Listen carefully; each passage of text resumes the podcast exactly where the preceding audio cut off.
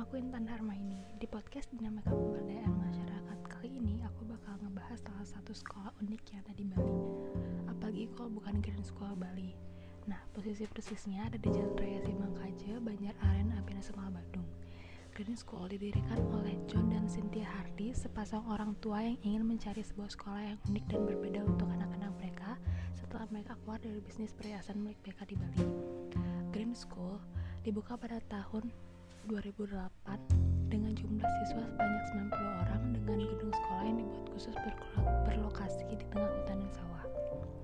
Sejak tahun 2008, Green School telah berkembang dan sekarang memiliki lebih dari 500 siswa penuh waktu dan 100 siswa lokal paruh waktu yang datang setelah jam pulang sekolah melalui program integrasi komunitas Google Connection. Sekolah ini merupakan satu-satunya sekolah di dunia yang menggunakan konstruksi bambu dan ramah lingkungan. Selain itu, Green School tidak menggunakan listrik secara langsung dari segi pendingin udara. Sekolah ini menggunakan kincir angin melalui terowongan bawah tanah. Dan pemasukan listriknya dari biogas yang terbuat dari kotoran hewan. Sekolah ini memang mengadopsi konsep hijau dalam operasionalnya. Lebih dari itu, mereka memang bercita-cita menciptakan manusia yang mampu secara lengkap memiliki bekal dalam menjalani kehidupan. Bangunan Green School ini sebagian besar menggunakan material alam seperti alang-alang, tanah liat, dan bambu. Selain material konstruksi bangunan itu sendiri, perabotan-perabotan di dalamnya pun menggunakan bahan-bahan alami seperti bambu yang digunakan untuk membuat terak, meja, kursi, dan lain-lain. Tidak hanya itu, yang cukup mengejutkan pula bagian atap bangunan ini juga menggunakan bahan alami yaitu ilalang. Para murid diajarkan untuk dekat dengan alam mulai dari cara menanam padi, memproduksi coklat sendiri, semua itu tak lepas dari harapan agar murid-murid mereka menjadi mengerti tentang berbagai hal dalam kehidupan dan mampu menjadi pemimpin dunia yang selalu berubah dan menantang ini. Pendeknya, mereka para belajar tahu segala hal dari organic gardening hingga mendesa WhatsApp, dari menjalankan bisnis kecil hingga menekan emisi karbon menjadi orang yang membanggakan dan dapat dipercaya mengelola kehidupan dengan baik di tengah krisis bumi ini. Sekolah yang digagas oleh kelompok internasional dengan background pendidik environmentalis dan feminis ini memiliki kombinasi keahlian untuk mencetak belajar yang menjadi inspired thinker, creative problem solver mengenai tentang berbagai hal dalam kehidupan dan mampu menjadi pemimpin dunia yang selalu berubah dan menantang ini. Menjadi orang yang membanggakan dan dapat dipercaya mengelola kehidupan dengan baik di dunia yang kompleks ini. Selain dalam hal konstruksi bangunan yang unik, kurikulum di sekolah ini yang telah diresmikan tahun 2009 pun berbeda dengan sekolah-sekolah lainnya. Pada sekolah ini, murid-murid harus memiliki tiga aspek utama dalam kurikulumnya, yaitu Inggris, Matematika, dan Sains. Kemudian ada Creative Arts, di mana para pembelajar yang murid-murid fokus pada seni dan budaya dalam pengaruh lokal. Hal ini bertujuan untuk membangun generasi muda yang lebih maju ke depannya, tetapi tidak menutup pada diri dan lingkungan sekitar. Nah, pembelajaran-pembelajaran formal dan selain pembelajaran formal, anak-anak di sana juga diajarkan organic gardening seperti bermain tra permainan tradisional, menanam padi, bermain lumpur, berternak sapi, memetik buah dan coklat, dan masih banyak lagi.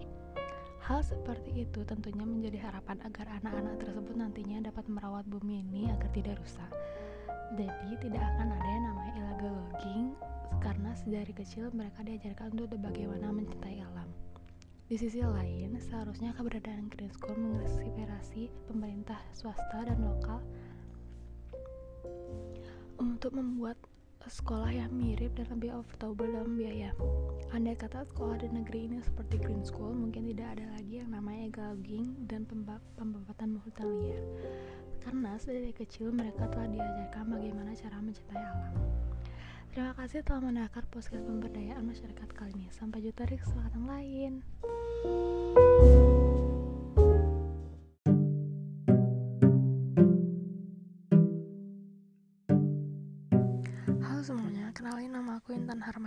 Kali ini aku akan membahas salah satu kasus korupsi terbesar di Indonesia yang merugikan keuangan negara mencapai 23,7 triliun rupiah, yaitu kasus korupsi Asabri. Kerugian negara akibat kasus korupsi ini melebihi angka kasus korupsi Jiwasraya mencapai 16,8 triliun rupiah.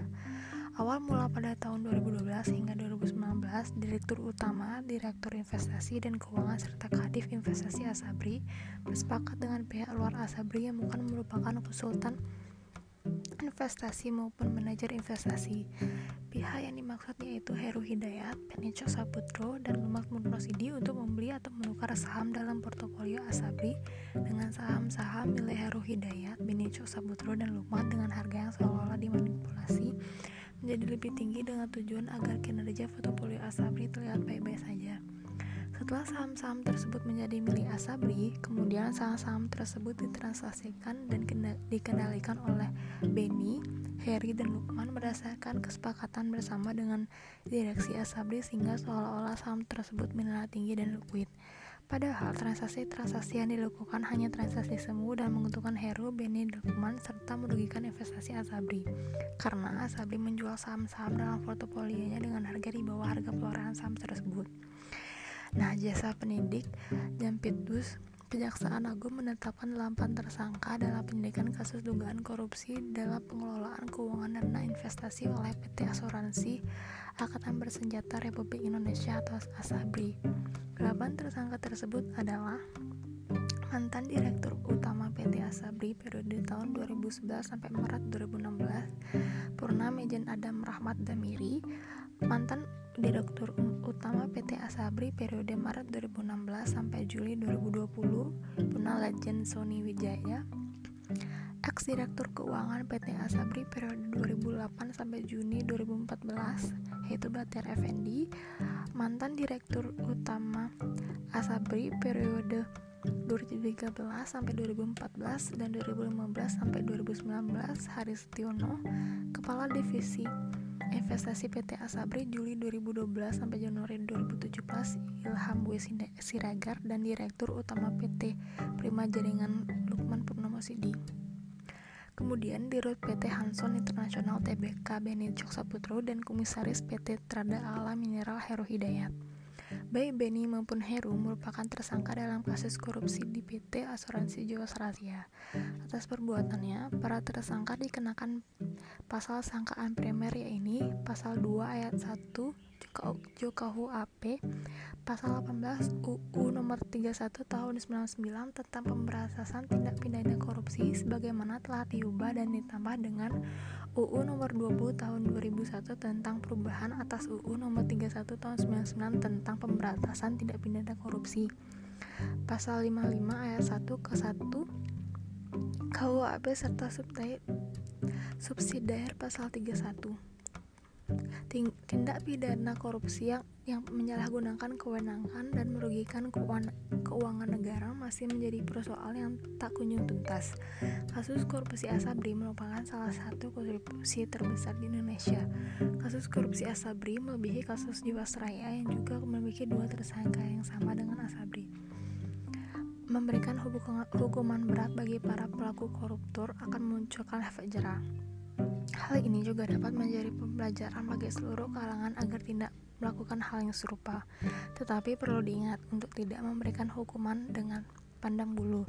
Pendidikan moral merupakan fondasi yang harus diberikan dari kecil. Dengan pendidikan moral, maka setiap insan tidak mudah tergiur dengan tindak pidana korupsi. Terima kasih telah mendengarkan podcast keuangan negara kali ini. Sampai jumpa di lain kesempatan.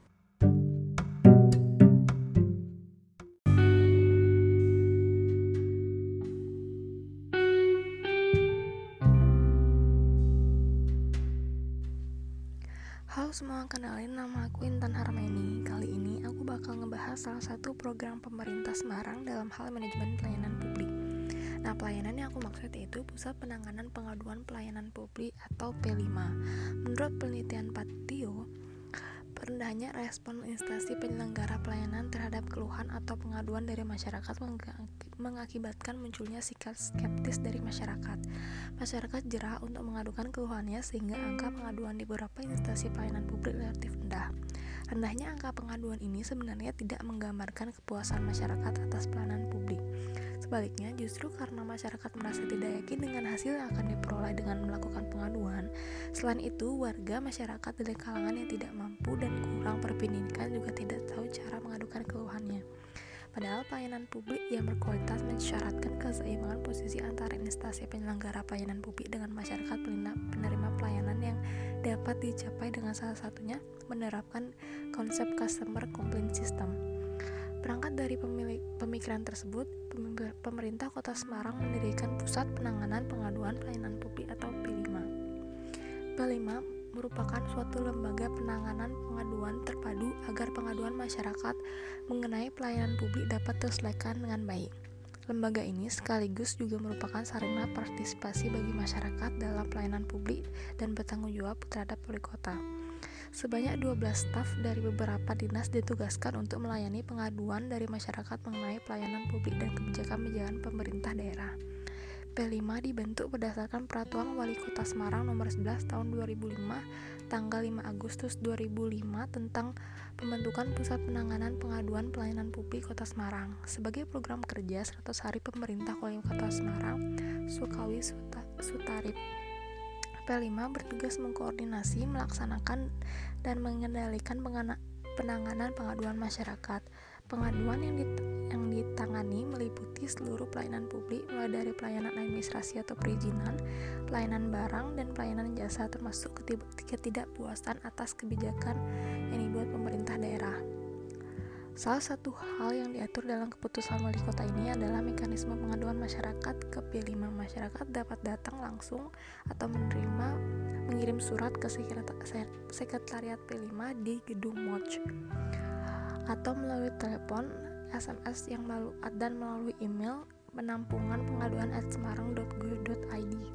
Dua media terakhir yaitu SMS dan email tidak langsung menuju ke P5 tetapi dikumpulkan lebih dahulu di kantor informasi dan komunikasi untuk selanjutnya didistribusikan setiap harinya kepada lembaga P5.